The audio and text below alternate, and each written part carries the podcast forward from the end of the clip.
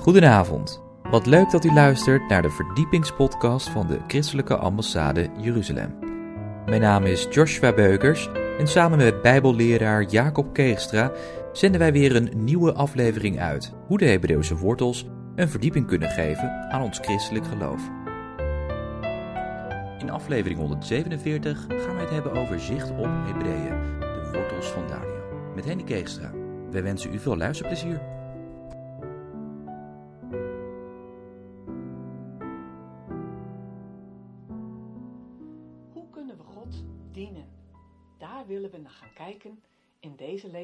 Over de Hebreeuwse wortels van Daniel.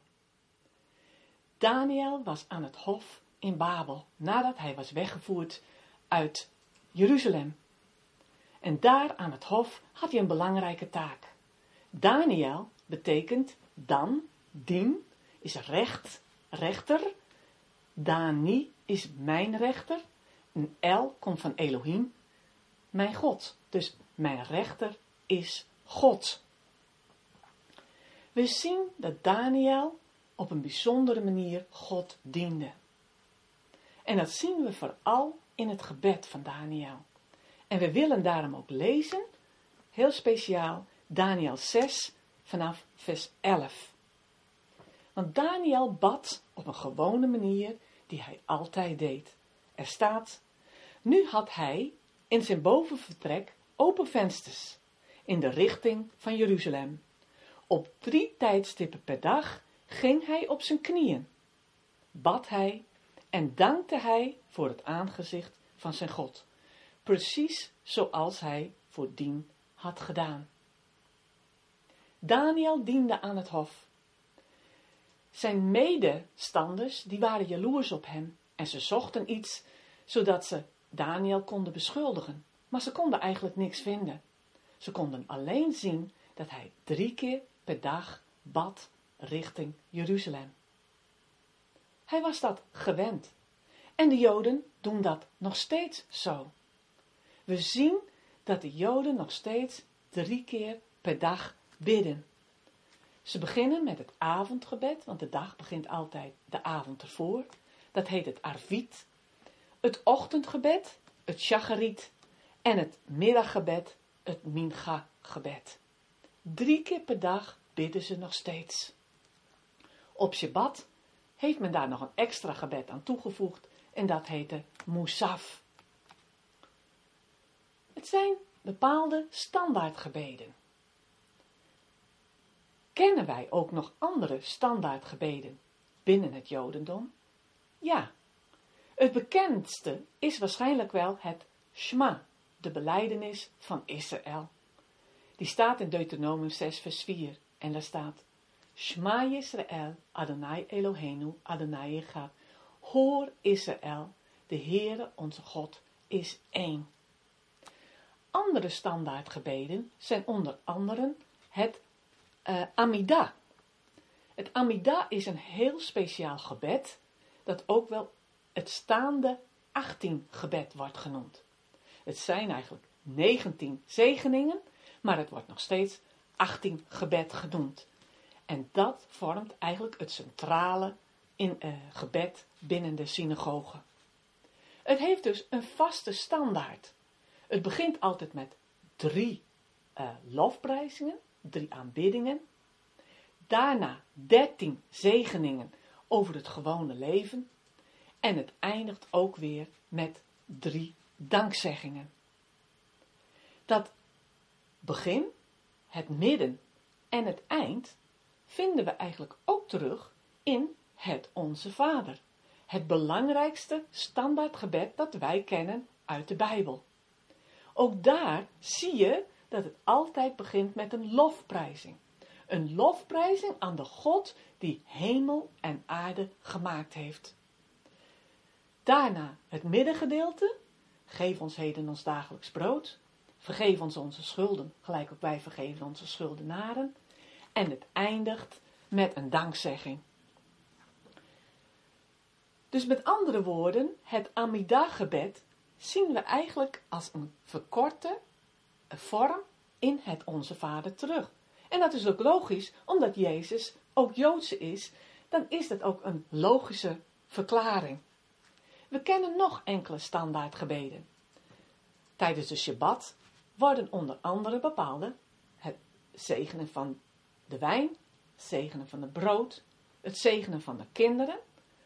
Het zijn bepaalde standaardgebeden en die beginnen altijd met Baruch Ata Adonai Eloheinu melech haolam. Gezegend zijt gij, eeuwige schepper van het heelal. Dat is het centrale wat je steeds in de gebeden terugvindt. Ook een speciaal standaardgebed, een Joods standaardgebed, is het Kaddish. Het Kaddish is het heiligmaking.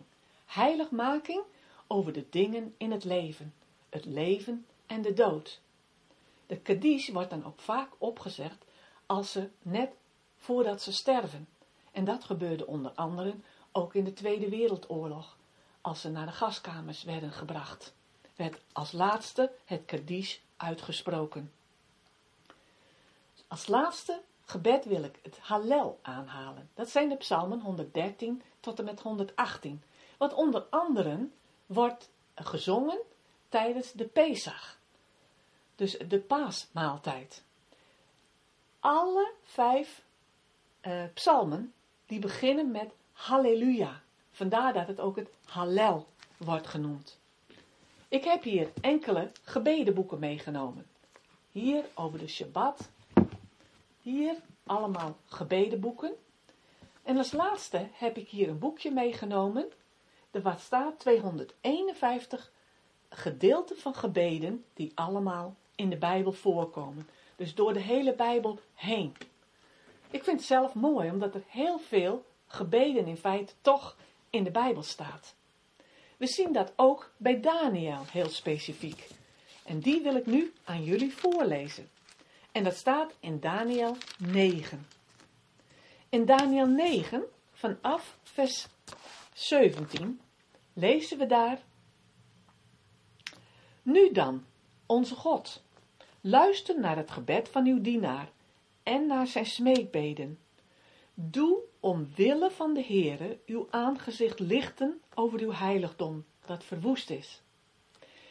Neig uw oor, mijn God, en hoor. Hier zie je weer luister en hoor, zie je weer het sma in feite terugkomen. Neig uw oor, mijn God, en hoor. Open uw ogen om onze verwoestingen en de stad te zien waarover uw naam is uitgeroepen. Want wij werpen onze smeekbeden niet voor u neer op de grond van, van onze gerechtigheden, maar op grond van uw grote barmhartigheid. Heere, luister, Shma. Heere, vergeef. Heere, sla er acht op en doe het. Wacht niet langer, omwille van uzelf, mijn God. Over uw stad en over uw volk is immers uw naam uitgeroepen. We lezen in dit gebed van Daniel heel specifiek dat hij bidt voor Gods bijzondere stad, Jeruzalem. Hij bidt en gaat op de bres staan voor die prachtige stad die God heeft uitgekozen. Is dat niet bijzonder? Daniel, die bidt voor Jeruzalem. Zo mogen ook wij op de bressen staan voor Jeruzalem, omdat God dat van ons vraagt. Daniel is zich ervan bewust.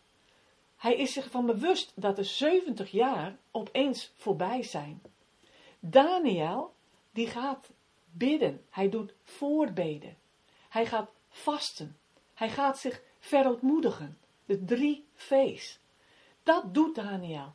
Daar kunnen wij, kan ik, zoveel van leren. Hoe ik God kan dienen. Daniel bidt voor de vrede van Jeruzalem. Prachtig. Er zijn zulke mooie dingen wat wij van Daniel, die in moeilijke omstandigheden er doorheen ging en God ging dienen. En hoe deed hij dat? Hij deed het op vier manieren.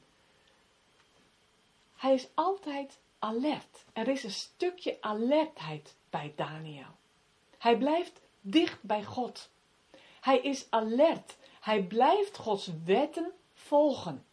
Ook al is er, zijn er moeilijke omstandigheden. Maar hij is ook alert op de 70 jaar doordat hij Gods woord leest. Als wij Gods woord lezen, maakt God ons ook alert. En dan kunnen wij specifieke voorbeden doen. We zien ook een stukje nederigheid bij Daniel. In alles zien we dat Daniel God de eer geeft. God geeft, heeft hem de gave gegeven om dromen en visioenen uit te leggen. En zelfs werd het in het profetische. Wat bijzonder. Maar in alles, als je heel Daniel leest, zie je dat hij steeds weer voor die belangrijke koningen komt en zegt: Ik kan het niet, maar de God van hemel en aarde, die God gemaakt heeft, die kan het wel. Dat is bijzonder. Die nederigheid. Daniel heeft ook altijd een waakzaamheid. Hij ziet de toekomst. Hij ziet, hij is profetisch. Hij ziet de 70 jaar die voorbij is en hij gaat op de bres staan. Hij is waakzaam. Maar vooral ook is er een toewijding van Daniel. Een toewijding van Daniel aan God. Hij gaat vasten en bidden tot er een doorbraak komt. Wauw, dat is toch ook iets. Denk ik, wauw, hoe kan ik God dienen? Nou, door die toewijding die Daniel ook heeft, om die ook toe te passen. Om alertheid te hebben, om een stuk nederigheid te hebben, om waakzaamheid te hebben en de toewijding te hebben aan de Allerhoogste God. Wat bijzonder. Dat is een verlangen die ik ook wil. Jacob, mijn man, heeft een mooie serie gemaakt van Daniel Geloof in Actie, waar hij nog meer principes uit naar voren haalt. Bij mij is het meer de Hebreeuwse wortels ervan. God heeft een doel met Daniel, ondanks zijn moeilijke situatie in een occult land, in Babel. Maar God gebruikt Daniel ook daar. God wil jullie allemaal gebruiken, waar we ook maar zijn. God wil ook altijd jou weer gebruiken. Wij als internationale christelijke ambassade Jeruzalem zien, mogen ook zien, net zoals Daniel een vooruitziende blik had over de profetieën die God vervult. En nu zijn we veel later dan Daniel, maar we zien dat God zijn volk nog steeds niet verlaten heeft. En dat God op dit moment bezig is om Gods volk terug te brengen. Vanuit de hele wereld. En wij als christenen mogen daar een deel van zijn. Wij als internationale christelijke ambassade brengen op dit moment weer heel veel Ethiopische Joden terug. Vorige week is het nog gebeurd. Een nieuwe golf die bezig is na de corona om gezinshereniging plaats te doen vinden. Opnieuw worden er ongeveer 3000 Ethiopische Joden teruggehaald. Maar op dit moment natuurlijk ook de Joden uit Oekraïne, maar ook uit Rusland, zelfs uit Amerika. God gaat door met het thuisbrengen van zijn volk. En wij mogen er allemaal deel van zijn. Hoe de Ethiopische Joden teruggebracht worden vorige week. Tot de volgende keer. We zijn aan het einde gekomen van deze podcast van de ICEJ. Waardeert u onze podcast? Steun ons dan. Dat kunt u doen door een donatie of door deze podcast te delen met uw vrienden of familie. Ga naar icej.nl. Volgende week volgt er uiteraard weer een nieuwe aflevering van de Christelijke Ambassade Jeruzalem. Ik hoop dan dat u wederom naar ons gaat luisteren. Hartelijk bedankt voor het luisteren en tot volgende week.